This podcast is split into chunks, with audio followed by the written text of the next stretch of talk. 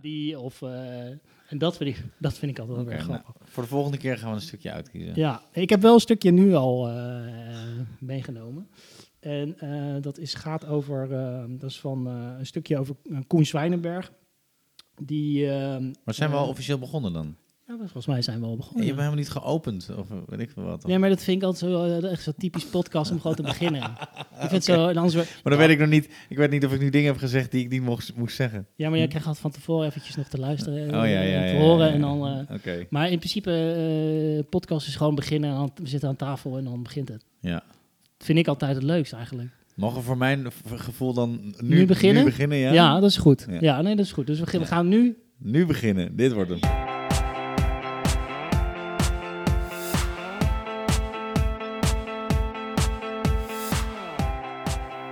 Je bent te lang aan lullen. We willen muziek horen.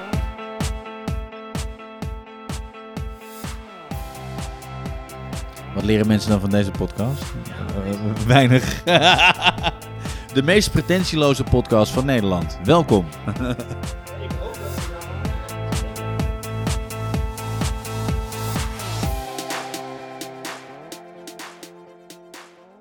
Nou, wat ik opvallend vond.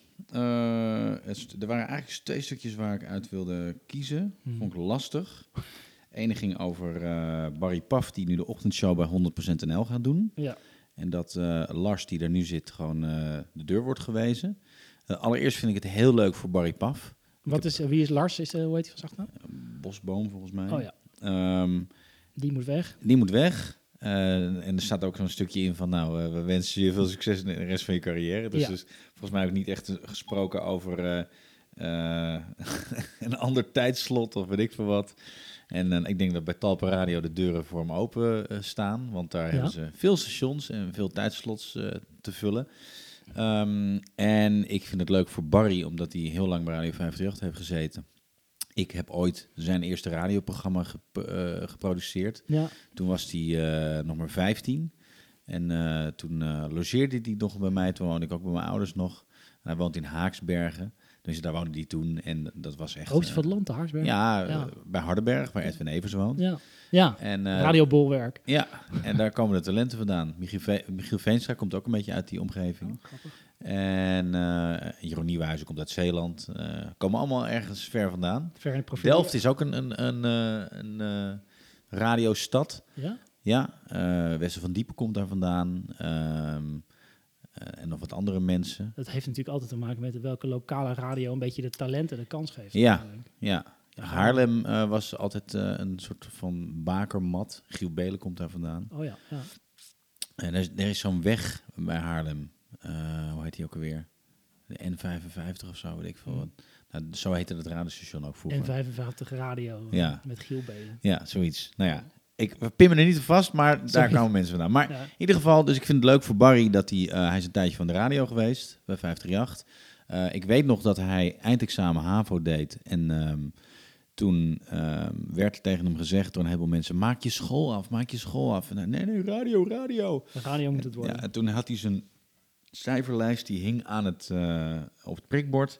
Het waren allemaal drieën en vieren en vijven en enkele één. En ehm, dat een heleboel mensen toen zeiden van... joh, weet je, als je ooit met radio stopt, dan heb je niks. Nou, toen heeft hij geloof ik ondertussen 25 jaar bij Radio 538 gewerkt. Zo snel gaat de tijd. En, ehm, en toen opeens, opeens eh, was er allerlei veranderingen en toen had hij geen radioprogramma meer. Nee. En eh, nou, een paar maanden geleden, toen mocht hij een paar keer invallen bij 100% Zonder NL. opleiding, geen radioprogramma, thuiszittend. eh, Ja, moet ik. Ja, bij, wat je ook met voetballers hebt, weet je wel. Van Ja. eh, Barry van Zeppend, en die wordt dan eh, postbode. En ja, wat ga, wat ga je doen als je carrière voorbij is? Als je Ronaldo bent, dan lukt het nog wel. Dan is het niet zo ja, je wel ja. wat dingetjes te Zelfs doen. als je, als je Maradona bent. En, kan je nog in een van je. Ferrari stappen Ja. en een rondje, rondritje maken. Maar, Precies, ja. Maar als je Barry, eh, Barry Paf bent, dan eh, Barry Paf. moet je gewoon... eh, Nou ja, zoals met een heleboel radiomensen. Er zijn een heleboel mensen die op een gegeven moment, op een gegeven moment ja, verdwijnen of zo, weet je. Dan zijn het niet de grote talenten of de groot betaalde DJ's. Net achter Evers en consorten. Ja. ja. Ehm, dus ik vond het heel leuk dat Barry weer bij 100% NL aan de slag ging. Eerst als invaller twee keer. Toen ging hij naar de middag. En nu gaat hij dan de ochtendshow doen bij 100% NL. Wat een behoorlijke uitdaging is. Want je hebt natuurlijk bij de radiostations, eh, we gaan het straks nog even over radio hebben, Ja, heb je ehm, veel concurrentie. Het begint in de ochtend. Nou, wat spannend is, eh, is dat er heel veel wisseling van de wacht is. Eh, bij Q is er natuurlijk een hoop gedoe geweest met Mattie en Wietse. Wietse Ja. die wegging, ruzie, gezeik. Eh, Giel Belen die van eh 3FM is overgestapt naar, Veronica. naar Veronica. Eh, toen deed uh, Domien de ochtendshow bij 3FM. Die is nu ook naar Q. Q, Dus ja. eh, bij Q, eh Mattie en Marieke nu. ehm, met of zonder Igmar, want die zie ik dan niet meer op de poster staan. Mhm. Wat het grote talent van Slam was, die daar dan ook weer weg is. Ehm, Evers die gaat stoppen met de ochtendshow bij 538. Januari geloof ik. Ja, eh, dus dat wordt ook heel spannend. Dan gaat Frank? Dane gaat het doen. Eh, en dat is weer het bruggetje naar dit bericht. Naar Robert want Jensen, de oh nee. broer van Frank Dane is ja, Robert toch Jensen. naar Robert Jensen. Ja, Heb je gekeken gisteren? ik heb het niet gezien Nee. eh, live. Ik heb het wel teruggekeken.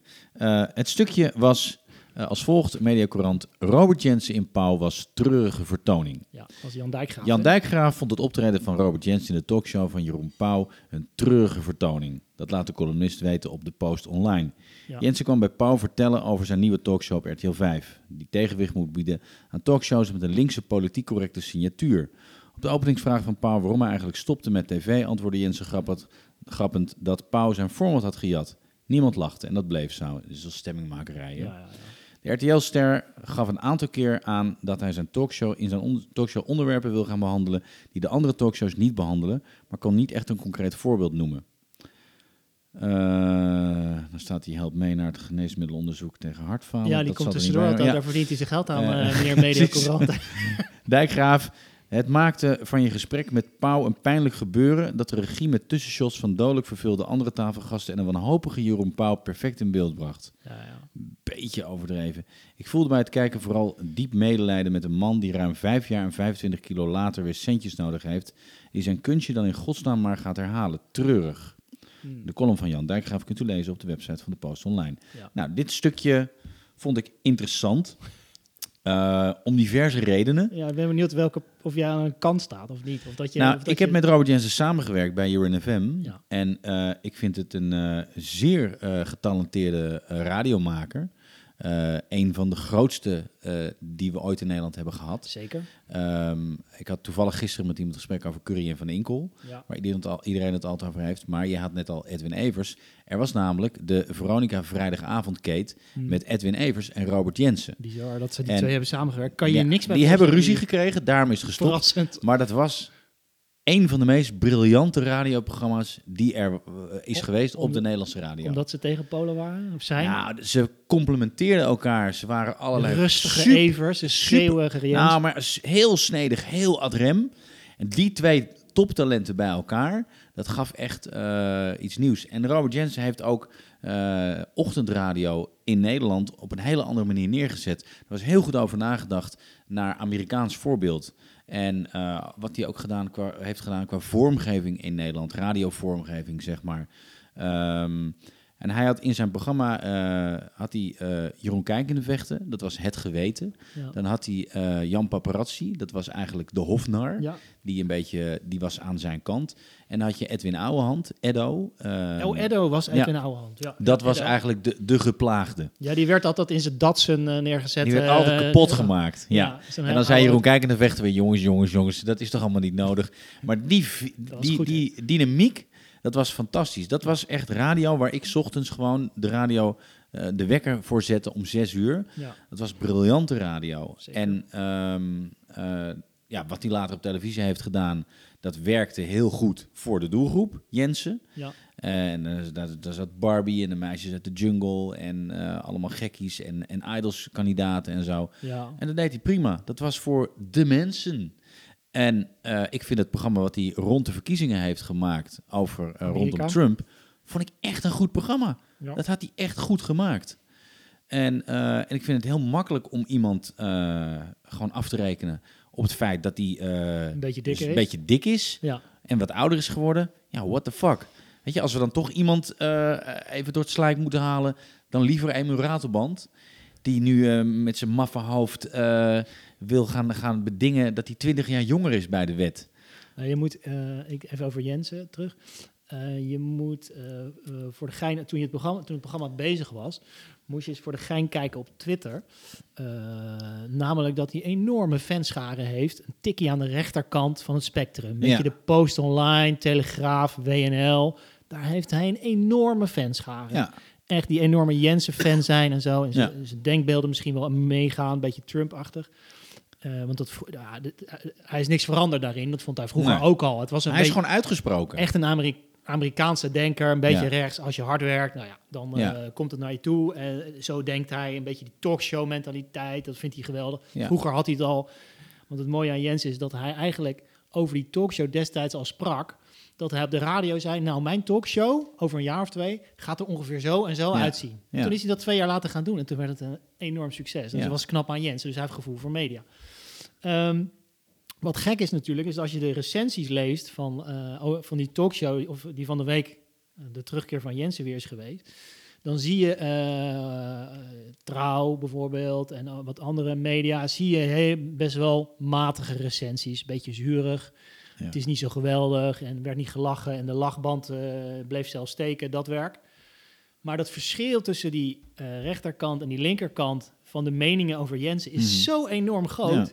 En dat geeft ook go- goed aan wat je op Twitter nu gebeurt. Die scheiding die zo, die zo huge is. Niemand die maakt die overstap tussen die Nee. twee werelden. Eh, maar ik denk wel degelijk dat hij een... eh, hij stond niet in de top 25 van beste... Nee. eh, maar ik denk dat hij wel degelijk een publiek heeft. Er is ook niet zo heel veel marketing geweest. Hè? Nee, we hebben ja, geen billboards gezien. We hebben niet. Ik, ik, heb, ik heb het niet ergens voorbij zien komen of zo. nee. En ik vind, kijk, wat ik vind van. Dan zit hij bij Pauw. En ja, weet je, eh, we rechts en links aan één tafel zitten natuurlijk. Ja, Ehm, natuurlijk is het Pauw-publiek eh, niet het Jensen-publiek. En, nee, helemaal niet eh, zelfs. Nee, en, en zal er ook een soort vooringenomen houding zijn geweest. Maar dit is natuurlijk allemaal een beetje zoeken.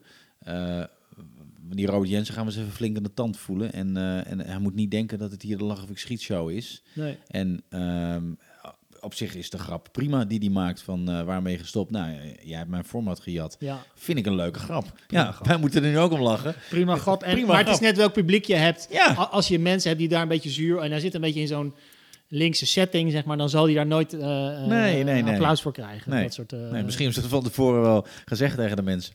Als Robert Jensen hier zit, gaan we absoluut niet lachen of niet klappen. Dat doen we ik kan me ook voorstellen dat hij het voorgesprek geweigerd heeft. Daar zal hij niet aan meedoen of zo, Nee. weet je wel. Maar ik vind ook wel dat Pauw eh, steeds meer eh, een soort eh, de plantage van Hanneke Groenteman van twintig jaar geleden aan het worden is. Het wordt allemaal zo links elitair en ehm, weet je, daarom snap ik ook als we het dan toch maar even over Twan Huis hebben, daarom snap ik ook wel dat Twan Huis niet werkt op RTL 4. nee, maar misschien had Twan, Twan Huis wel inderdaad die rechterkant wel nadrukkelijker moeten kiezen van het begin. Absoluut. Want daar zit ook een hele journalistieke hoek die hem wel goed past. Zeker wel. Eh, namelijk een beetje TN, eh, Telegraaf, WNL. eh, Want Twan Huis en. Robert Jensen samen late night. Dan, Ja. kun, je- dan kun je lachen. Ja. Maar de, kijk, de, de kijkers van RTL zijn natuurlijk vooral entertainment gewend. Ja. En als je gewoon naar, naar eh, meer opinie en politiek en wat linkser wil, dan ga je naar Jinek of Pauw. Eh, en, eh, en wat Twan Huis deed op de publieke omroep, daar had hij ook wel een vrij links gezicht. Dus ik, Ja. het is een vreemde eend in de bijt op RTL 4. Ik gun het hem van harte en ik vind het een vakman. Ik vind dat hij mooie dingen heeft gedaan, zeker met College Tour. ja. Ook op, opmerkelijke dingen. Ook, ik vond Holleder. Holleder, ja, het is, het is wel televisiegeschiedenis. ja. Het is heel raar als je daar... Het is een soort, Achteraf, als je achteraf dat nu gaat kijken, dan, word je helemaal gek. dus, dus we hebben een televisieprogramma waarin we een, een veroordeelde topcrimineel eh, een podium geven en laten shinen. En ja, En een, een soort lieflijk eh, ondervragen ook van, Ja. van nou ja, heb je hobby's? ja, Nee, dat is overdreven, maar- Ja, hou je maar- van hobby's? Ja, hou je, van, hou je van hobby's? Nee, maar achteraf gezien is dat natuurlijk bizar. Eh, maar Twan Huis die zit, die zit natuurlijk niet echt op zijn plek daar bij, eh, Nee. bij RTL 4. Nee. En dat, eh, ja, dat kan eigenlijk iedereen zien. Ik bedoel, kijk even naar René van der Gijp en die legt zo die analyse neer van waarom dat, Ja. waarom dat niet werkt daar Dat is echt hun lievelingsonderwerp, hè? Ja, en had je, had je hem dan even uitgenodigd als, als programmabaas. Ja, Dan had je zo boven Erven Dons kunnen bellen. ja, ja. Was je klaar geweest. ja, ja.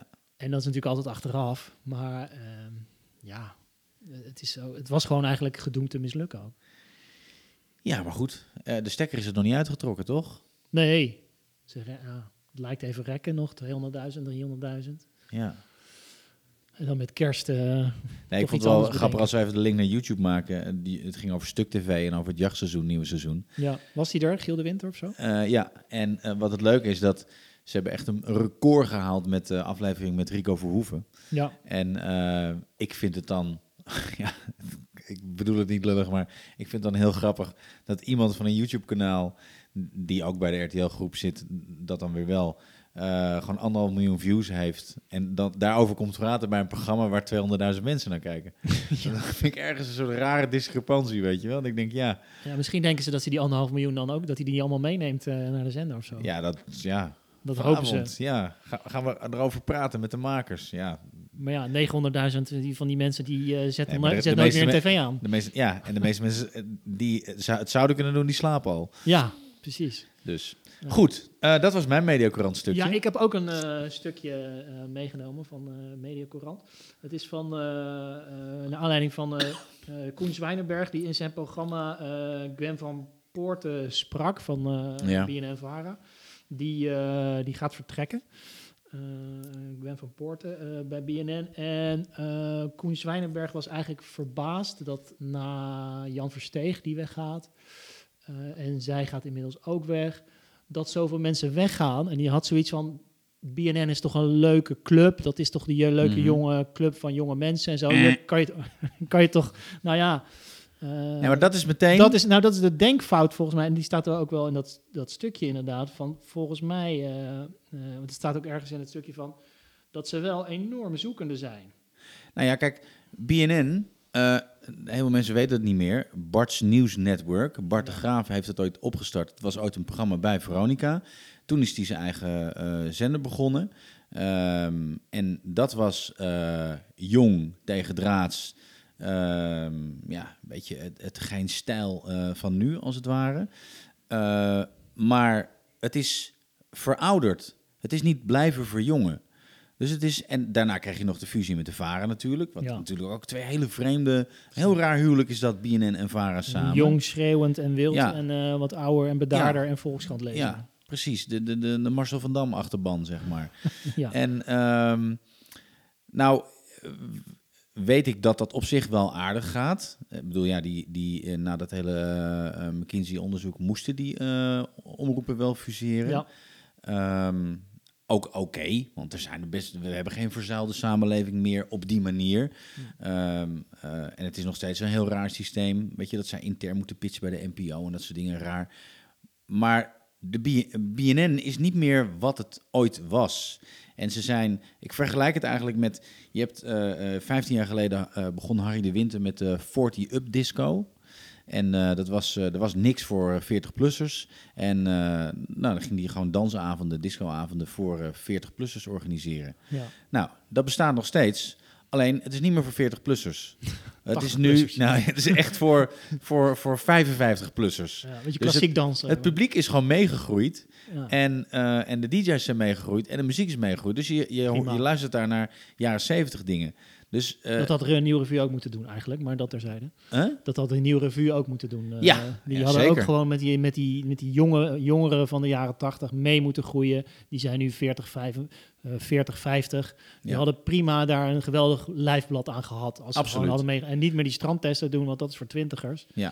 Maar je moet of het een doen of het Ja, andere doen. Precies. En, eh, en BNN moet dan niet meer de claim eh, pakken dat ze, dat ze jong, snel en wild zijn. Wat overigens een Veronica-uitspraak is. Ja. Eh, want ehm, kijk, het enige wat ze nog een beetje doen voor de jonge doelgroep is eh, boos op YouTube met Tim Hofman. Ja.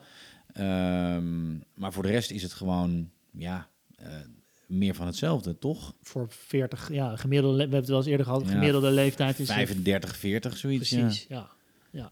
Sowieso omdat we een jonge doelgroep hebben die... De laatste onderzoek van eh, Stichting Kijkonderzoek. Vorig jaar was de gemiddelde leeftijd van de televisiekijker bij de NPO 41,7 jaar. ja. Nu is dat 58 jaar.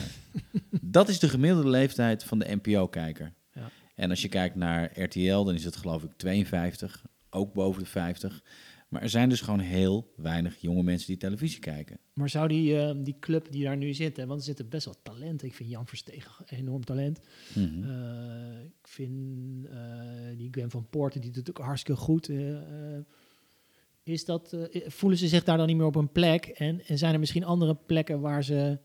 Want zij moeten natuurlijk inderdaad intern presenteren wat werkt en wat niet werkt. Ze zitten waarschijnlijk toch in een soort keurslijf Ja, en niet meer van deze tijd is. Een bureaucratisch iets. Nou ja, sowieso de, de hele manier hoe de NPO bezig is. Als we dan eh, hebben over NPO-content op YouTube bijvoorbeeld. Eh, had ik gisteren een gesprek met iemand over van een- producent die, die maakt ongeveer 40 programma's per jaar.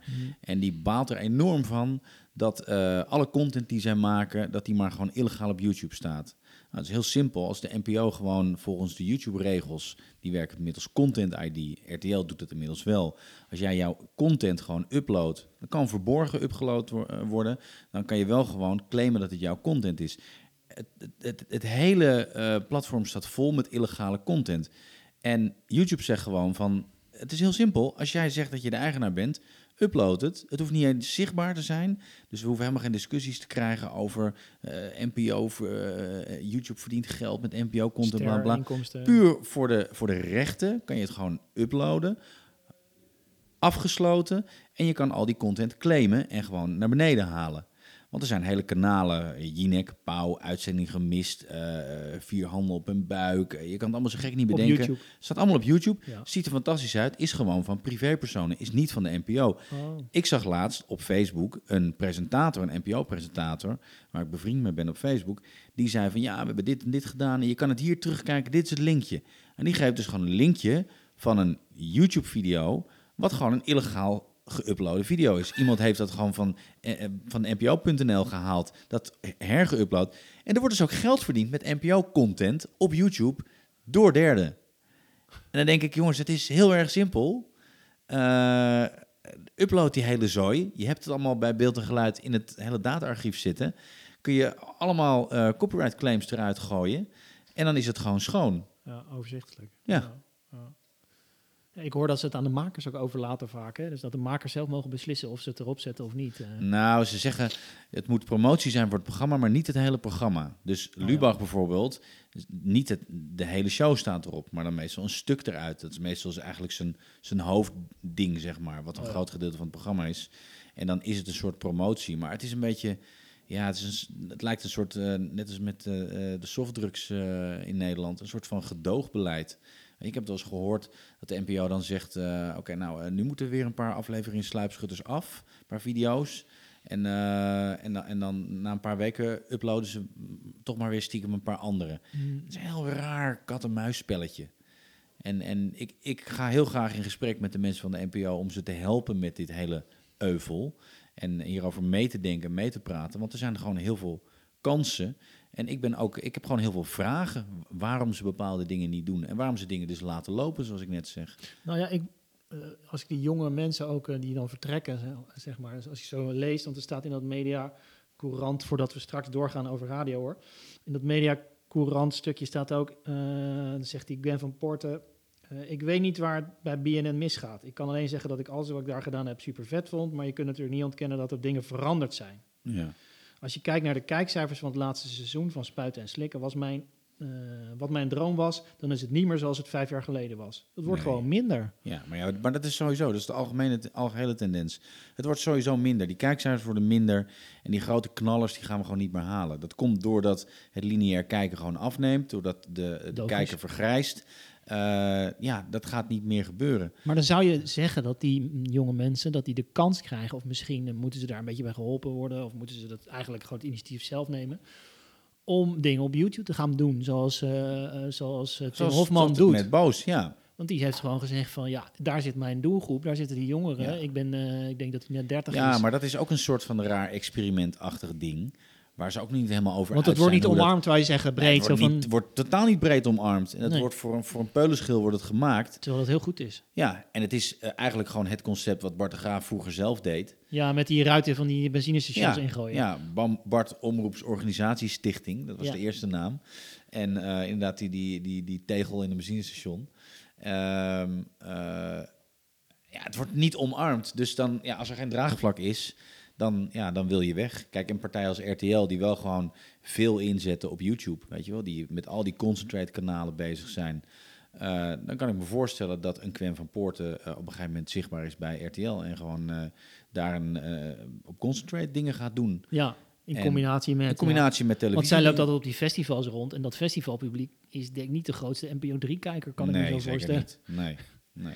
En, en ja, die combinatie is dan beter te maken, misschien bij zo'n RTL. eh. Ja, of sidekicken met Robert Jensen. ja, ja, dat zou ook een goede zijn. Ook leuk. Eh, klein stapje wat ik dan wil maken richting die radiowereld. Vanuit individu eh, individuen die media maken, die tv maken, die misschien ook wel radio maken. vraag ik mij af, en jij hebt er gewerkt in die radiowereld, of, die, of dat, dat, dat massamedium wat radio is, of dat wel op die manier blijven bestaan in de toekomst. Je ziet die, die mensen, ja, jongeren, steeds minder naar radio eh, luisteren. Mhm. Eh, hoe, ga, hoe gaat zich dat ontwikkelen? Je ziet in de radiocijfers, je bijvoorbeeld nu, eh, ik geloof dat Radio 10. Radio 10 helemaal Ja. bovenaan staat, Ja. Radio 2 helemaal bovenaan staat en nog een beetje 538. Maar het is allemaal de Oudere doelgroep. Dus de Ja. veertigers die houden die, de, dat bastion nog een beetje omhoog. Eh, kan niet anders. Want je ziet dan Ekdom, ik geloof dat die, eh, toen Ekdom begon eh, eh, dat het, eh, bij Radio 10, dat het de luistertijd met 10% omhoog Ja. ging. Het Gerard Ekdom effect Het noemen ze het nu, ja. Ja, nou ja, ik bedoel, eh, ik, kan me, ik kan me best voorstellen dat je wat helden daar gaat neerzetten om maar nog een beetje marktaandeel te houden. Ja. Maar op de langere termijn is het een systeem wat, wat, wat gaat werken. En, ja, en hoe zit podcast daar dan weer? Hoe Hangt, hangt hij daar weer in? Nou ja, ik denk dat het naast elkaar kan bestaan. Ehm, ik vind eh, de overstap van Gerard Ekdom naar Radio 10 heel erg slim. Eh, zeker als we, waar we het net over hadden, Evers die gaat stoppen. En Ja. ik denk dat als iemand die ochtend kan claimen, op dit moment is het Gerard Ekdom. A, Meer dan Giel nog, ja? Ja, ja eh, ik, ga, ik hou van Giel, een hele fijne gast. Maar eh, Gerard Ekdom heeft wel de stem. Ja. Hij heeft echt een hele fijne stem. Eh, hij heeft een, soort donker. hij heeft een, hij heeft een bizarre... Hij deed ook Batman in Lego Batman en Bas weet wat van stemmen, mensen. Ja, ja. Nee, maar ik, vind, ik ben een enorme fan van hem. En hij, hij heeft een enorme muziekkennis. Maar echt bizarre muziekkennis. Hij is super ad rem. Hij is heel erg ervaren. Eh, hij ademt radio. Ja. Het is een eh, soort van ehm, eh, family man, perfecte schoonzoon. Eh, het is een hele eh, aardige gast, oprecht aardige gast. En ehm, ik was laatst naar een concert van Michael McDonald in Carré. En daar was die ook. En er waren een heleboel radiomensen, ook Erik de Zwart, Wouter van der Goes, dat soort mensen allemaal. En eh, dus het is, ja, het is echt een liefhebber. Een liefhebber van radio en van muziek. En dat hoor je. Giel is ook een liefhebber, maar Giel was eigenlijk altijd een shockjock. En eh, Gerard is veel meer een Evers eigenlijk. Veel meer een pleaser, een, een lieveling. Die gaat niet zo om het chockeren, die wil veel meer pleasen. En ik denk dat de meeste mensen daarop zitten te wachten. Die willen gewoon die fijne stem uit de radio hebben. En die willen gewoon eh, eh, verwend worden met leuke weetjes, leuke muziekjes, eh, leuke dingen. Alles op een beuke manier gebracht. Gekke liedjes, bla bla, bla, dat. Beetje meezingen, feel Ja, een beetje, beetje feel good inderdaad, ja. Ehm, de toekomst van radio, eh, ik denk dat we nog, ik denk dat we hetzelfde effect hebben wat er op televisie gebeurt. Dat de, de Oude mensen houden nog een beetje in stand. En Ja, die houden in stand. gaat het nu... eh, Nou, dat blijft nog wel 20, 25 jaar blijft dat doorgaan. ja. Maar Misschien komt verdwijnt geen. het ook wel nooit. Eh, Nee, ik denk, nee. ik denk zeker niet dat het Nee. verdwijnt. Nee, en eh, bedoel, ik, ik, op mijn Apple TV luister ik ook gewoon wel eens radio. En dan Ja. kom ik daar op, weet ik, een of andere, een of andere eh, jazzstation uit een of ander eh, schimmig Amerikaans stadje. Gewoon met, met, met DJ's en alles. En vind ik wel leuk om naar te luisteren. Je wordt op een gegeven moment ook wel een beetje knettergek van, van die, die Spotify-playlisten. Ik in ieder geval wel. Qua muziek. ja. Nou ja, je hoort op een gegeven moment wel, eh, zeker als je, als je niet zelf playlist hebt, maar als je gewoon die mood playlisten pakt, op een gegeven moment hoor je het allemaal wel. Heb je Sunday morning eh, ja, mood. ja, E- easy, easy Saturday Easy evening, running. ja, Eh, playing games with friends, whatever. En het is ook niet altijd wat je, wat je wil. Nee. Ehm, dus wat dat betreft eh, is radio mm, zeker nog niet dood. Wat ik erg grappig vind is, of grappig is misschien het juiste woord, maar Phoenix is in de laatste jaren echt gewoon pff, skyrocket high gegaan. Niels Hoogland zit daar. eh, ex-DJ 538, ex-program director, eh, music director eh 538. Als baas eh, zit hij daar? Oh ja, Ja. ja. als programmabaas. Die Ja. doet dat verdomd goed. Want eh, nou ja, eh, de urban scene is echt huge eh, in Nederland. En eh dus Phoenix, wat overigens ook eh, publieke, publieke omroep is, Zeker. doet het echt heel erg goed. Eh, Waarom doet hij het goed? Omdat hij precies Nou, omdat- weet nou, Niels is voor iemand- wie hij het doet. En hij Niels- pakt de niche en hij Ja, Niels- focust. houdt van eh, deze muziek, is echt een urban lover. Dat was die vroeger al. Weet heel veel van hip-hop, RB, eh, urban muziek, ook van de hele, de hele context eromheen, zeg Mhm. maar. En hij, weet, hij, weet, hij verdiept zich goed in zijn doelgroep. En daarmee hij, was het overigens ooit niet eens met John de Mol. Dat is, heb ik wel eens begrepen, een van de redenen geweest waarom hij bij 538 weg is gegaan Oh, ja. omdat eh, Niels is een purist qua muziek. Echt, een enorme purist. En, eh, ehm, en John de Mol die wilde toen gewoon alles wat er zeg maar eh, bij The Voice kwam, Ben Sanders en ga ze maar door, dat moest allemaal op de radio gedraaid worden. Ja. Dan zei Niels gewoon, nou, dat, eh, sorry, maar dat past niet eh, in het format en ik, ik vind het geen Hij goede muziek. Dat- gewoon eh, nou ja, dat, dat zul je mij niet hardop horen zeggen. de voice helden te draaien. Dat is, dat is een beetje het verhaal. Ja. En ik vind het heel tof dat Zo iemand moet je gewoon de ruimte geven en compromisloos ergens er- neerzetten. en ga jij het maar uitzoeken en ik, ben jou, ik steun jou. Wat eigenlijk ook de gedachte van radio moet zijn. Als je radio kijkt, het wordt altijd onderverdeeld in zeg maar de ochtendshow en de, en de afternoon Middag. drive. Vier tot eh, zeven. Ja, dat zijn de twee eh, grote momenten. En daartussendoor is het gewoon meer, eh, ik noem het maar even, de arbeidsvitamine. Wat wel Vasthouden een van die mensen. containerbegrip is geworden. Ja. Dus die lead-in, zoals je het op televisie noemt, van, van Evers eh, om de mensen op 538 te houden, eh, die is voor 538 heel erg belangrijk. En je zal zien dat als Frank Dane die ochtendshow overneemt, dat er een hoop mensen eh, weggaan bij Evers, omdat ze naar 538 luisteren voor Evers. Ja. Dus het is meer Evers FM dan 538 voor een heleboel mensen. Het is gewoon die vriend geworden met die, die buurtkroeg 's ochtends waar je mee wakker wordt. En eh, ja, ik denk als die weg is, dat, dat zal voor een hoop mensen als een soort van liefdesverdriet voelen. Dat zal gewoon... Want dat is interessant, voorbij. want die, die eh, buurtkroeg, eh daar komen we misschien zo nog even op. Maar dat effect van iemand die jij vertrouwt, waar je een Ja. beetje fan van misschien wel bent, die je altijd een beetje in de gaten wil houden, die ook, zijn advies neem je ook ter harte, weet je wel? Hij heeft nieuwtjes voor je die relevant zijn. ja, Hij draait die ene plaat die je vergeten bent. Het is die beste vriend op de radio, waar je inderdaad een beetje fan van bent. Die, die, die jongen uit de hogere klas, zeg maar. ja. Dat is een beetje eh, de rol die hij heeft.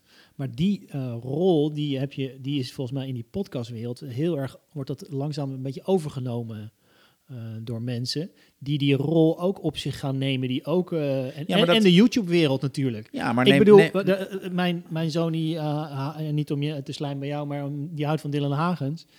Die zit nou in een fase dat alles Dylan Hagens is, Ja. eventjes. Ja. Oh, hij eet, eet dat. Oh, ze zijn zo ge- georganiseerd in Venray. Die Ja. gast is bijna acht. ja.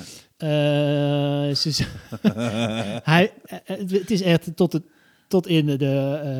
eh, hij houdt van kaas, maar alleen maar gesmolten kaas ja, op een tosti. op een tosti, want eh, dan, dan, dan vindt hij het wel weer lekker. Marit, die, nou ja, hij maakt het met die en die. Hij weet echt alles. Ja. Maar dus dat, dus dat fan zijn van iemand, iemand die je vertrouwt en waar je helemaal in meegaat, een soort wereld, Ja. dat is wel de trend die je heel erg ziet in de YouTube-wereld en ook in de podcast-wereld, waar dat misschien wat inhoudelijker is, wat meer op kennis en zo gebaseerd.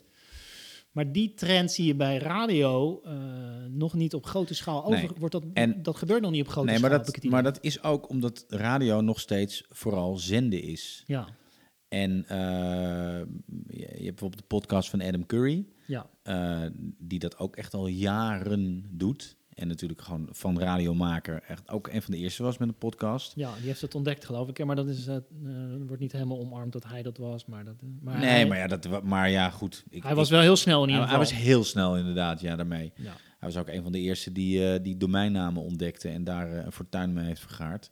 dus het is gewoon een hele slimme gast en, en, en een goede maker. Een goede radiomaker, een goede podcastmaker. Ehm, ik denk dat, eh, dat eh, eh, het, de radio zoals we het nu kennen, dat dat toch nog te veel eenrichtingsverkeer is. Ja. En dat als je kijkt naar, naar YouTube op de of de podcast, weet je wel, het is veel meer interactie. het is veel meer gebouwd op tweerichtingsverkeer.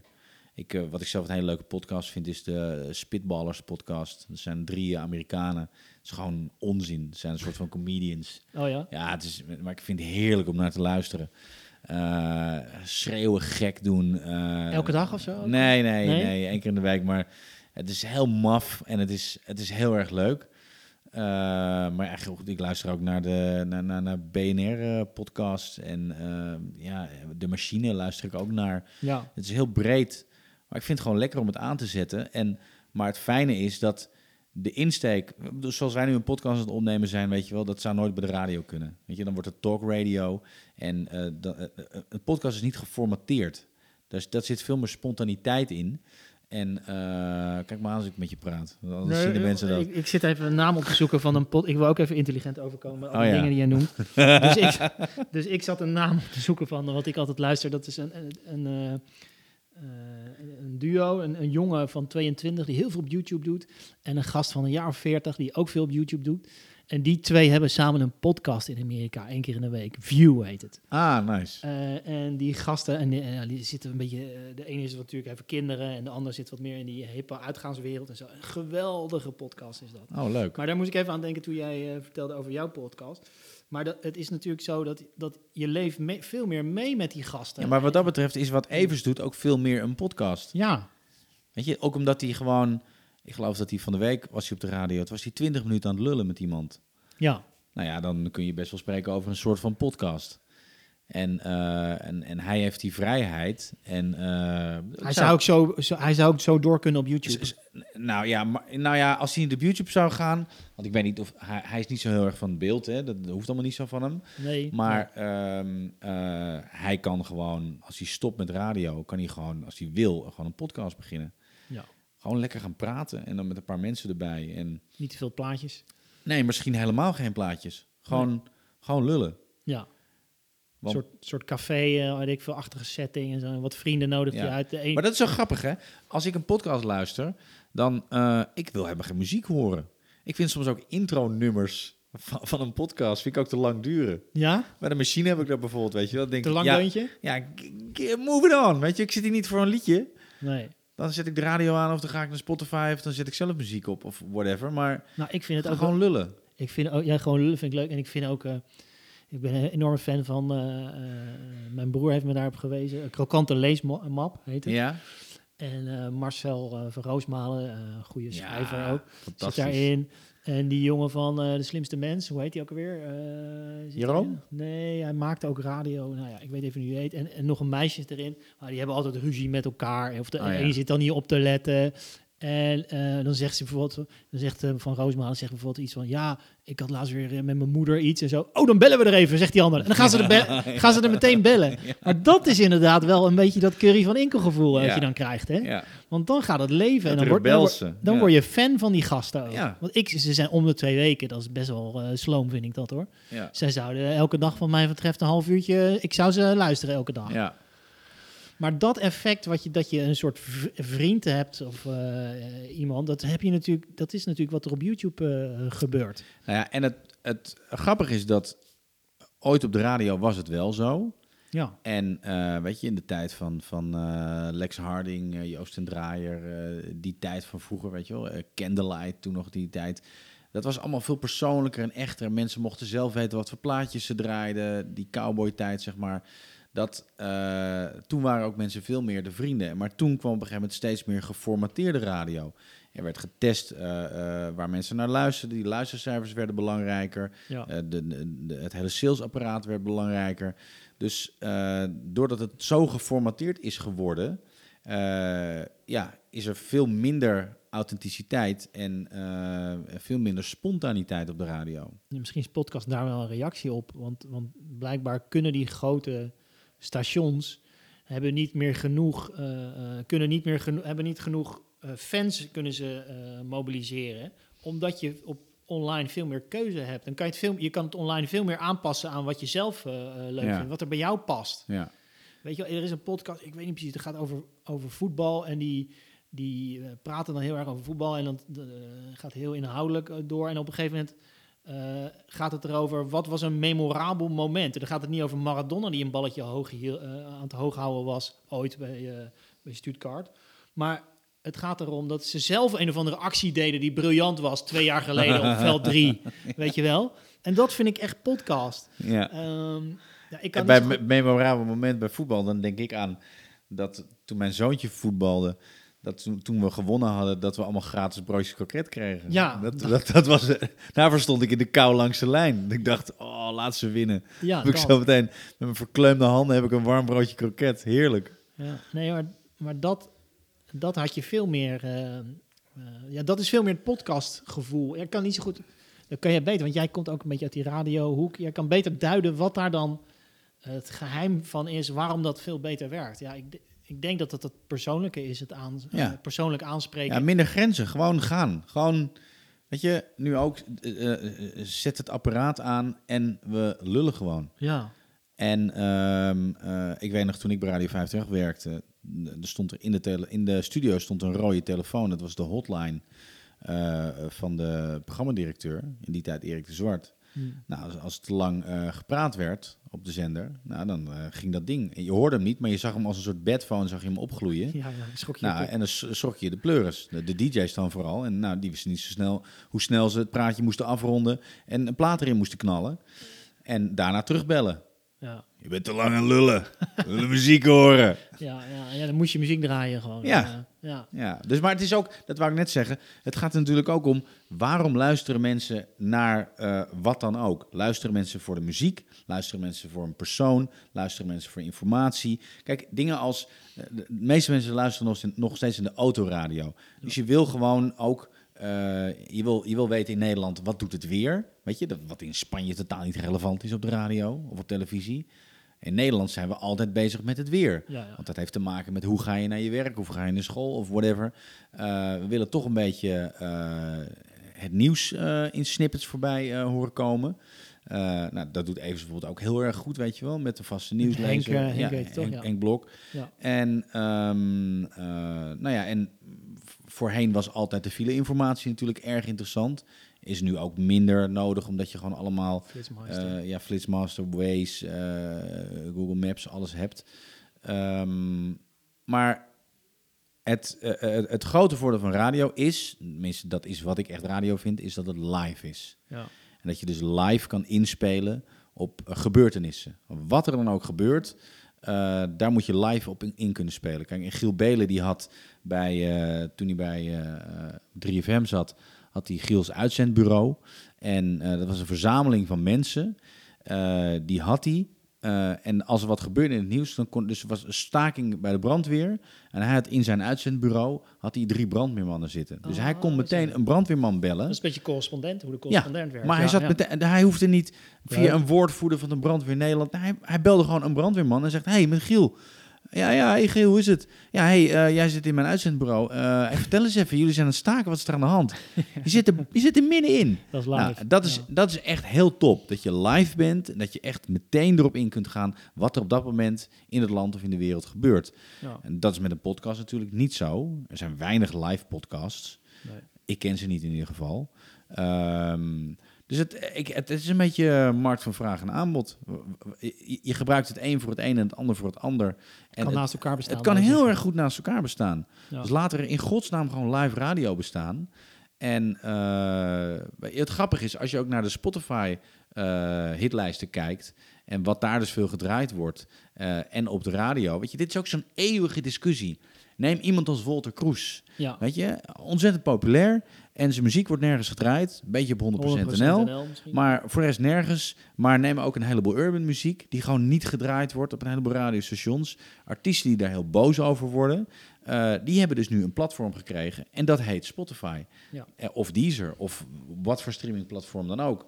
Ehm, maar die waren jarenlang gewoon boos dat hun enige outlet die ze hadden, hun enige podium, was de radio. En, ehm, En die hebben nu Spotify en Ja. YouTube. eh, en een dingetje wat ik heel erg interessant vind. ehm, eh, ik weet niet of heb ik, dat, heb ik het net gehad over. eh, nee, heb ik het niet over gehad. Het YouTube-kanaal Doe It Perfect. YouTube-kanaal Doe It Perfect. Miljoenen abonnees in Amerika. zijn een aantal gasten die gewoon op school heel erg goed waren in gym altijd. Eh, die gewoon in één keer met, eh, met een rechterhand en twee ogen dicht een bal in de baas kunnen gooien. Oh ja. Die doen trickshots. Maar die doen echt major ass trickshots. Dus die gooien een bal vanaf een, een wolkenkrabber eh, in een basket. En dan is hij ook gewoon erin. Ja, op Maar- YouTube te zien. Op YouTube te zien. Miljoenen views en ze zijn heel succesvol. Ehm, elke week uploaden ze een video. Gaat altijd zeker wel over de 10, 15 miljoen views heen. Soms veel meer. Ehm, wat zij heel erg slim doen, los van het feit dat ze heel succesvol zijn, ondertussen een soort van eh hangar hebben waar ze een eigen ijsbaan hebben, een eigen basketbalveld, een eigen hockeybaan, eigen voetbalveld. Het concept werkt. Alles, alles, en alles wat ze doen is gewoon trickshots, maar dan to the max. Wat zij heel slim doen, is ze gebruiken altijd muziek in hun video's.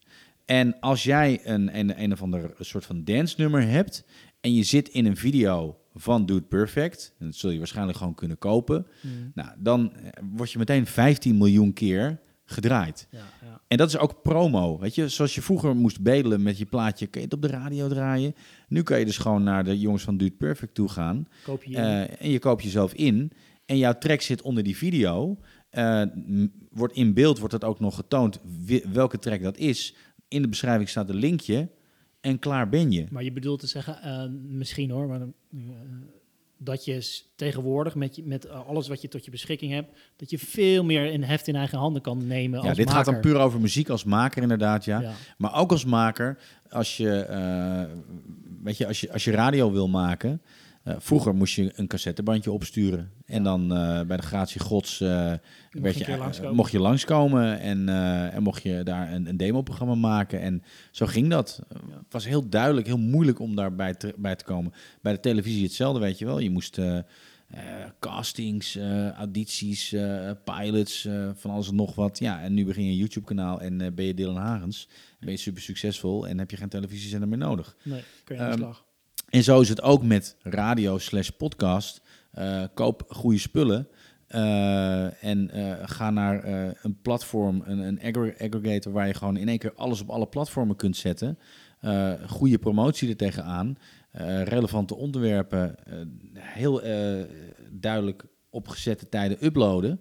Ehm, je kan aan de slag. Wat ik wel bij radio altijd vind, en dat daarmee onderscheidt het zich ook wel van eh massamedia, ma- eh, wat radio is, zeg maar met zenders en zo, die ouderwetse manier van radio maken, is dat je iets leren via podcast. ja. Dat vind ik wel een interessante beweging. Dus dat je, Nou, het zijn meer niches, hè? ja, het is wel niche ja, en dat je, dat je eh, dus aan de ene kant heb je de- de combinatie van een, een leuke presentator of iemand waar je graag naar luistert, zo, die, die je serieus neemt, zoals mijn zoon Dylan Hagens heeft.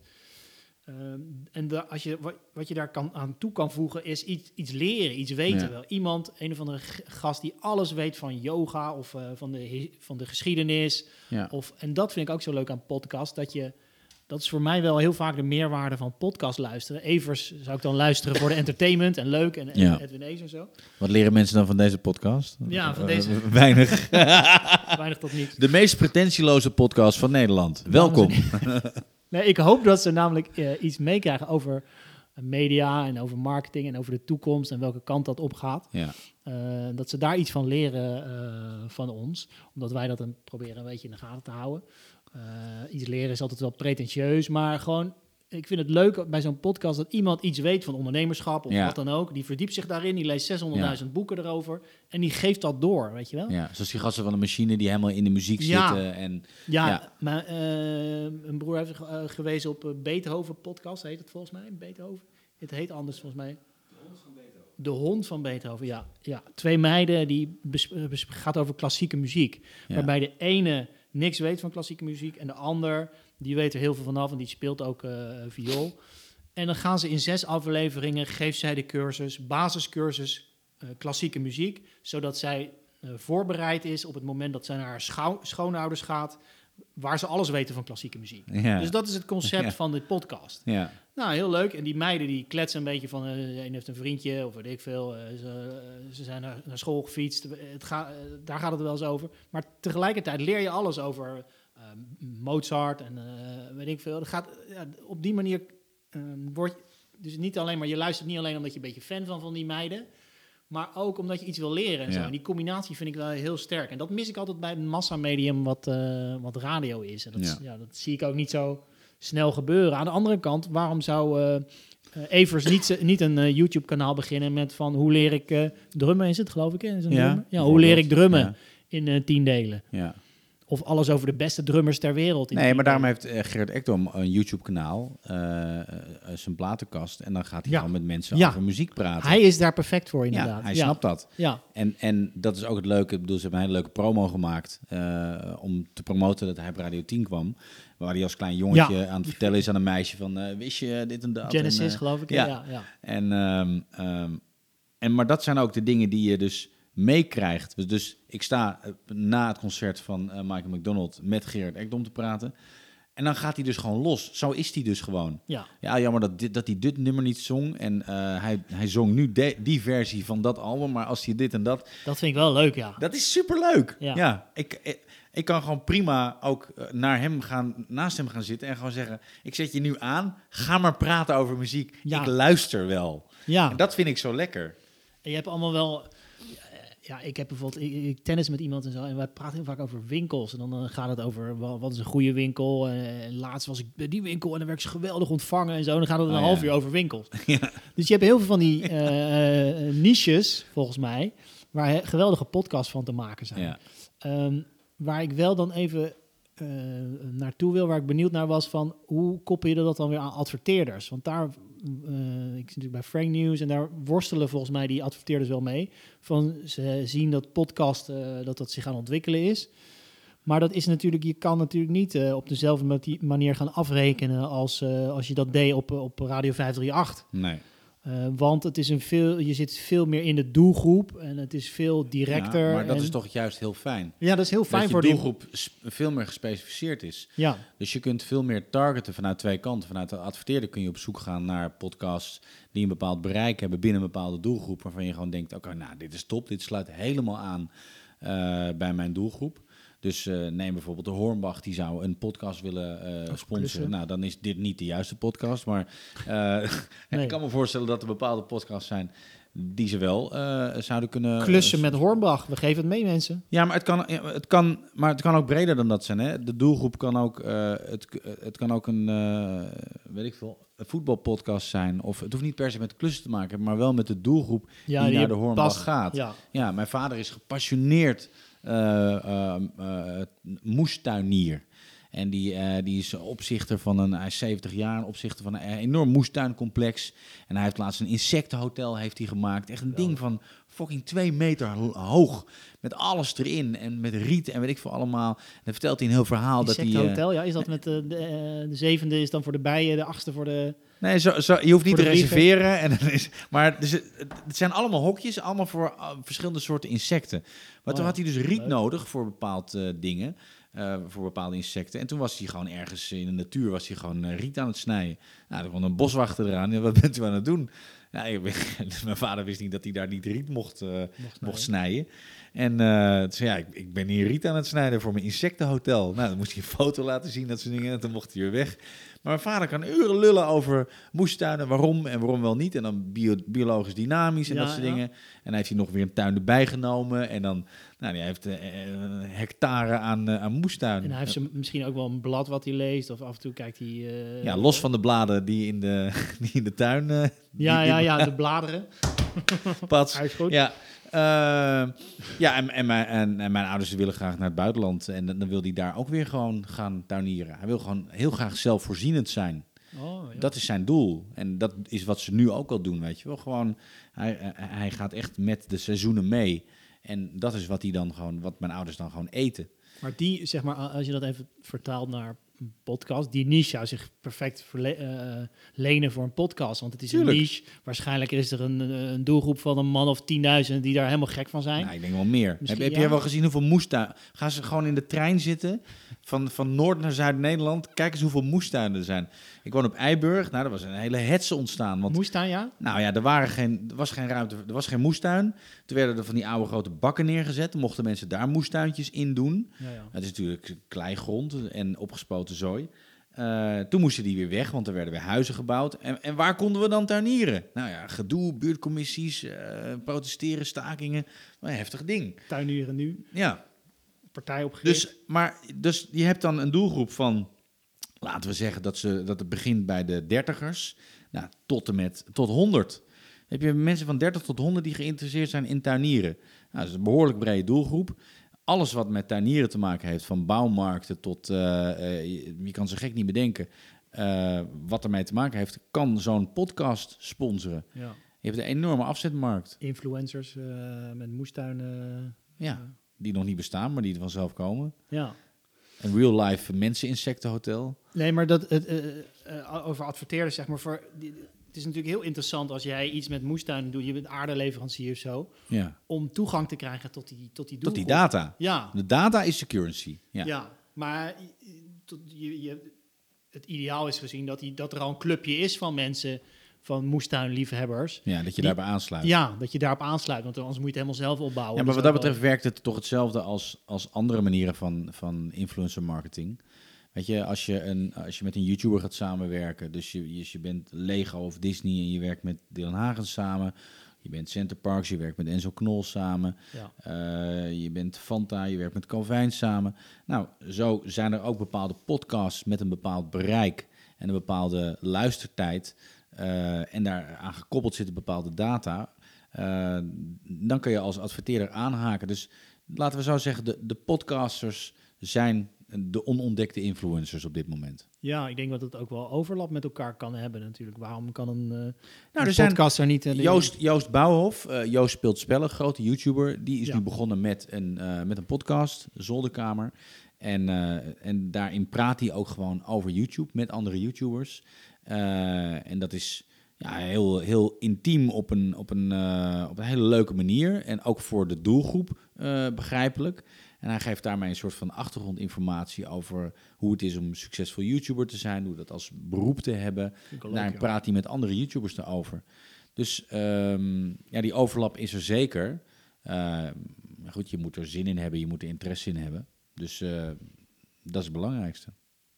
Ja, dus Dylan Hagens kan eh, ook op een gegeven moment eh, eh, les gaan geven in hoe, hij, hoe hij zijn... Als hij dat zou willen, als als hij die behoefte voelt. Ja. En is, ehm, kan die klassieke radiowereld daar... Ja, die, die kan daar ook wel wat mee natuurlijk met, het, met, met die ontwikkeling. Die, die, Nou ja, wat ik een interessante vraag vind met betrekking tot podcasten, hoe dat dan natuurlijk zit met muziekrechten. ja. Dat is iets wat ik niet zo goed weet. Want ik weet hoe dat werkt op YouTube, maar ik weet niet hoe werkt het als jij eh, muziek laat horen in een podcast en dat dan op Spotify eh, zet. Hoe gaat dat? Ik weet niet, bij de Krokante Leesmap draaien ze wel eens een plaatje, eh, volgens mij. Maar dat is wel, eh, dat is natuurlijk NPO, dus die hebben dat al, die hebben een soort deal gemaakt, denk ik. Oh, Oh. oké. Oké. En dan kan je draaien. Als je, als je geen succesvolle podcast wil, dan kan je het afkopen. En dames en heren, nu komt hij, Michael Jackson. Ja. Het probleem ligt meer bij de SEDA. Oké, Die doen niks voor je. nee. Dan betaal je gewoon een uitzendlicentie. nee. Het gaat mij er meer om dat als je een podcast begint en dat je dan af en toe een eh, plaatje draait waar je het over wil hebben, Mhm. eh, dat, dat je dan niet een soort van copyright claim krijgt mag op het eh, citaatrecht kan dat. Ah, oké. Maar niet Top. een heel nummer. Oké, een stukje. Ja. Mooi. Ja, 30 seconden mag bij YouTube ook inderdaad. Nou, dan weten we dat ook weer. Bij reclame heb je het ook heel veel, dat je eh, bij commercials, dat ze een soort plaat na, naspelen, zeg maar. Ja, Dat ja, het ja, niet, eh, niet eh, Ja. de echte plaat Dan, is. want dan zo. hoeven ze geen, eh geen, recht, geen zinkrecht te betalen. Nee, en dan is het gewoon een... eh, Ja, maar je hoort allemaal dat het gewoon nep is. En dat wat ze eigenlijk hadden willen doen, dat, dat, daar hadden ze geen geld voor of geen geld voor over.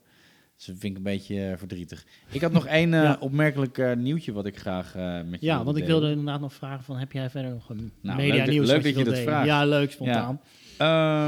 Format Medialane, eh, bedrijf, me- dat mediabedrijf Medialane laat Glossy Chantal Jansen gaan.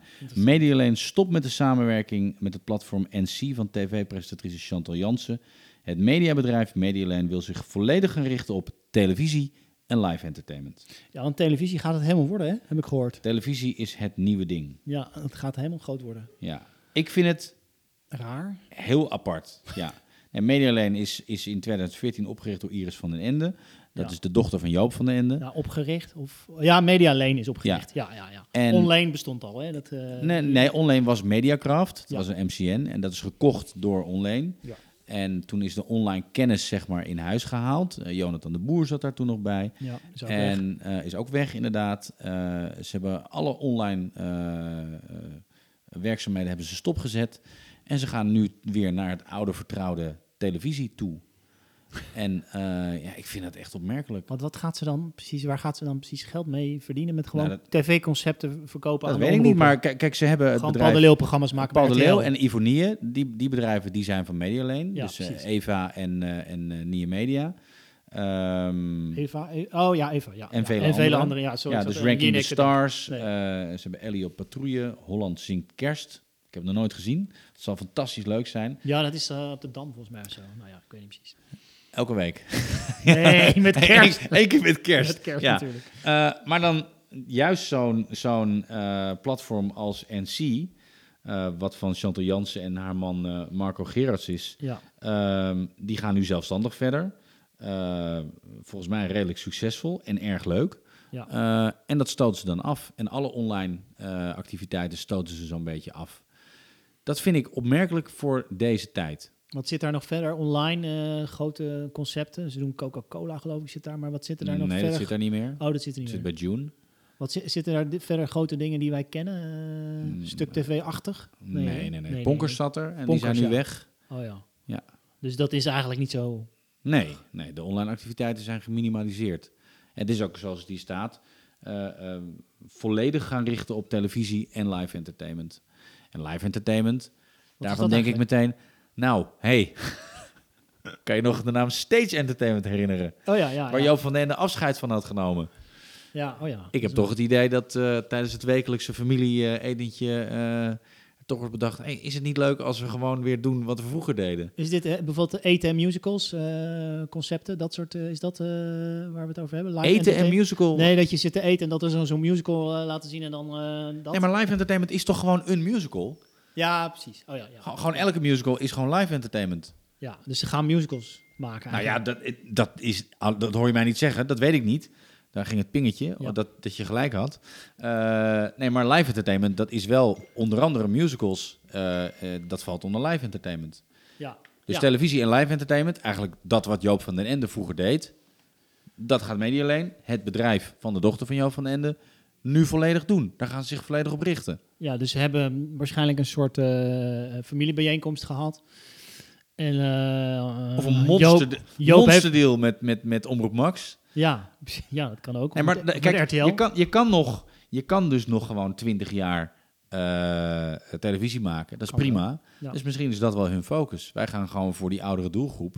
Weet je, je ziet ook dat Talpen met de Voice Senior scoort. Ja, Eh, dat, dat RTL ook gewoon een beetje richting die, eh, die grijze massa gaat. Eh, misschien is dat wel de strategie. En misschien is die helemaal niet eens zo'n slechte strategie. Want daar zit namelijk wel gewoon heel veel geld bij die oudere doelgroep. ja, dus ze gaan gewoon nog meer Gerard Cox, eh, eh, Barry Stevens-achtige programma's bedenken. Dat was een leuk programma, toch? Een hartstikke leuk programma, Ja. ja. Ja, Vanuit, no- vanuit nostalgie. ja dus de 1, 2, 3 show komt terug. Willem Ruis. Nou, die gaat Die niet komt terug, niet meer die terug. komt niet meer terug. Maar zo'n soort programma met Carlo Nou Boswaard. ja, ik, ja, ik denk dat Natte Haartjes TV. Ik denk dat Natte Haartjes TV op de bank eh, met, een, eh, met een zakje wokkels. eh, ik denk dat, dat, dat die nostalgie echt wel werkt. Ja. Ik denk als je, als je oude formats gewoon afstoft. En dat naar deze tijd. Ik zat naar Zep te kijken dit weekend. Eh, en dat was de langlevende muziekshow. Gemaakt door Medialane. Hmm. eh, vanuit geld vanuit de overheid. Stichting ter bevordering van eh, het muzikale kind of iets dergelijks. Ja. En daar was een eindspel. En je raadt het niet. Wat was het eindspel? Lopende band. Nee, Oh. niet lopende band. Een ander spel. Drie dingen en dat je dan een plek nee, moet nee, Mispoes? nee, Was de mispoes andere. er? Nee, je hebt, je hebt hem bijna. je gaat ergens staan. En van boven je Oh ja, ja, ja, de dingen naar beneden. die je moet. Die moest je vangen. Tet Ja. tet. Ja, bedoel, het wordt nog steeds gebruikt. dat is wel een goed concept, ja. Ja. Het is al zo oud als de weg naar Rome, maar het werkt nog steeds. Je moet eigenlijk een soort combinatie bedenken van oude spellen eh, op een of andere manier. Dat je gewoon de, eh, eerst de lopende band en dan dat ding wat uit de lucht valt. Eh mispoes met 1, 2, 3 met je, dat je prijsje rijk, weet je wel, zo'n soort Ja, en, combinatie. en, weet je, en, en weet je nog dat je een auto kon winnen bij Rons Honeymoon Quiz. En dan past de sleutel wel of niet. Weet je, ging Oh die ja, auto ja. open wel of niet? En dan was de hoofdprijs een auto. Nu worden we echt een oude lullen. Maar dat was wel tof. Maar volgens mij, als je die eh, avondvullend eh, op zaterdagavond twee uur lang en die spellen allemaal bij elkaar eh, zet. Ja, en maar je ze doet daar de beste. Je, je zet de Carla Boshart op, bij wijze van spreken, en heb je het volgens mij toch wel tok. Maar ik weet het top niet, want ze hebben, ze hebben dat soort dingen ook wel geprobeerd. En ze hebben ook sterrenslag proberen terug te brengen. En dat werkte dan weer niet. Misschien dat juist de, de nostalgie van die oude programma's, dat dat heel erg werkt. Ja. En ze hebben ook laatst, met, met het programma met Linda de Mol, hebben ze ook, zijn ze ook in de tijd gaan reizen met, met dingen. Werkte ook niet ook helemaal. nee. Ze zijn zoekende. Ze zijn echt zoekende. En wat dat betreft vind ik Omroep Max eigenlijk best wel eh, een heel goed voorbeeld van een, eh, van omroep die het gewoon goed doet. Ja. Nee, daar, daar denken ze gewoon puur van wat willen, wat willen, die, wat wil onze achterman kijken. Ja. En dat gaan ze aanbieden vervolgens. En dan denk ik, eh bedoel, All You Love komt er nu weer aan. ja. Nou, de- die kan op een gegeven moment ook wel de overstap maken naar Max. En Nou, wat interessant is, wij hadden een, eh, eh, een verhaal bij Frank News. En dat ging erover de, dat alle tv-programma's die goed bekeken Mhm. worden. Ze hadden even gekeken naar september, wat het beste top 100 van september. En daar stonden alleen maar oude titels in. ja, Spoorloos, dit was het nieuws, radar, radar, opgelicht, opgelicht. in acht al- uur journaal. alle, alle oude meuk, zeg maar. Ik, Ja. denk dat, ik denk dat het echt zegt top 25 was. Ja, Er stond geen nieuw programma tussen. nee. Oftewel, die doelgroep wordt steeds ouder en die kijkt alleen nog maar wat ze al kennen, waar ze Ja, al tien jaar naar kijken. Ze zijn gewoon heel merktrouw. Ja. Eh, en ja, mensen gaan niet zo snel. eh, en die vernieuwing zit daar helemaal niet meer op tv. Nee. Daar gaan mensen, mensen gaan niet meer, komen niet meer langs zappend langs iets van hé, hey, dat is leuk. Zo werkt het dus niet. Maar om ze het, heel gericht. om het cirkeltje rond te maken, dat is misschien ook wel een reden waarom een Gwen van Poort en een Jan Versteeg bij de publieke omroep weggaan. Dat ze denken, weet je wel, dit is, die vernieuwing zit niet meer bij televisie. Nee. Ik, in ieder geval niet bij de publieke omroep. Dus ik ga mijn heil ergens anders zoeken en kijken of het daar gewoon beter gaat. Ja, en misschien komen ze dan inderdaad wel bij RT RTL terecht, want zij zitten toch wel op die social influencers hoek. Kijken ze toch wel serieus naar. ze, ki- eh, ze kijken mee. Ja, Talpa ook wel. Die Ja. zit natuurlijk met, eh, met die social influencer club. Ja. Daar, zit, daar liggen toch wel mogelijkheden, denk ik. En ik denk dat NPO dat toch een beetje laat liggen eh, uiteindelijk. Ja. Laatste dingetje wat Ja. mij nog opviel was dat er nu in Nederland een vestiging van ITV is opgestart. Eh, gerund door Karin de Groot. Eh, ex-John de Mol, ex-Talpa, eh, ex-Net 5 eh zendercoördinator, ex-IDTV. Mm. Eh, en ITV is natuurlijk de partij die Talpa heeft gekocht. Dus mijn vraag aan jou is, denk jij dat als die, ja, die, die, die periode, zeg maar, dat Talpa nog bestaat en dat die, die, die earn-out van John de Mol en van Talpa eraan komt, zeg maar, als het, denk jij dat het helemaal ITV wordt? Gaat de merknaam Talpa verdwijnen? Dat je een soort internationale merk... Nou, wa- wa- wa- waarom zouden ze anders nu opeens een kantoortje ITV eh, in Nederland gaan opstarten? Nou, ik denk dat er wel overlap eh, zal komen. Maar waarom zouden ze? Want, ah, want we hebben je met, met Endemol heb je ook gezien. Het werd eerst eh Endemol Shine en vanuit de Shine Group. En ehm, wordt het dan ITV Talpa? Of wordt het dan gewoon Nou ja, misschien, misschien kijkt hij wel naar een model waarbij hij heel snel natuurlijk die Nederlandse testmarkt, eh, Nederland als testmarkt kan gebruiken. Mhm. En he- misschien wel wil hij wel wat sneller schakelen internationaal. Ja, Dus maar, heel ja, maar, snel- Ja maar, ja, maar hij heeft het verkocht, hè? Ik bedoel, dit, is, dit gaat over, wat is het, anderhalf jaar... als Talpa niet meer van John de Mol is. Als die weg is. Dus dan, eh, dan is, het Tal, is Talpa klaar. En dan is het van ITV. Dat is meer mijn vraag. Denk je dat... Dan wordt het label volgens mij gewoon ITV. Dat Talpa helemaal verdwijnt. eh, ja. Maar dan, dan krijg je zo, dan krijg je gewoon ITV Holland voor lokale producties. zoiets. Maakt Ja, toch niet zoveel uit in principe Nee. qua naam. nee. En dan, dan denk ik dat John de Mol wel weer doorgaat. Hij zit ook in Different Media, van, eh, waar Taco Ketelaar en Vincent Gerstenovic ook in zitten. Hij heeft hier een aandeel in, persoonlijk. Dus misschien dat hij via die groep wel... Nee, ze zeggen altijd wel dat eh, John de Mol een echte tv-denker is. Maar ik denk dat hij wel wat verder aan het kijken is hoor. Wat Dat weet ik wel zeker. Ja. Ja. Ik denk dat mensen onderschatten hoeveel hij weet van, van eh, nieuwe media. Ik denk dat hij wel wat verder kijkt. En dat, eh, eh, ja, hadden het over, waar, waar we het net over hadden, van, van wat hij moet doen met die zenders, hè, wat hij op SBS moet zetten. Want dat, heel veel mislukt daar qua Ja. tv-programma's. ja, hij zal toch wat bestaande formats misschien naar, naar, naar SBS moeten halen. Om een soort basis te geven van een kijkpubliek. Dat er, dat er genoeg mensen daar, daar blijven kijken. Want daar verdien Ja. je natuurlijk je geld mee. Maar er wordt ook al, eh, al jaren, eh, ook op Mediakrant overigens, eh, gepraat over een mogelijke merge tussen SBS en RTL. Ja, Dat zou ook nog een, een, een oplossing kunnen zijn. Minder zenders en dan gewoon een paar hele sterke zenders. En nou, dan heb je drie publieke zenders en, en drie commerciële zenders, bij wijze van spreken. Waar je wel gewoon alleen maar het goede hebt. ja, dat zou wel logisch zijn. Aan de andere kant krijg je dan wel weer... Dan heb je alleen nog maar NPO of commercie. Ook Qua lineaire televisie, ja. Ja, qua maar daarnaast heb je nog Netflix, Videoland, YouTube. eh, YouTube. Ga maar door. Ja. Radio. Ja, podcast. Ja, we zullen het zien. We zullen het zien. Gaat het de volgende keer wel weer over hebben. We vinden Zeker. het wel weer een leuk onderwerp. Ja, Dankjewel. graag gedaan. Was lang, hè? Ja,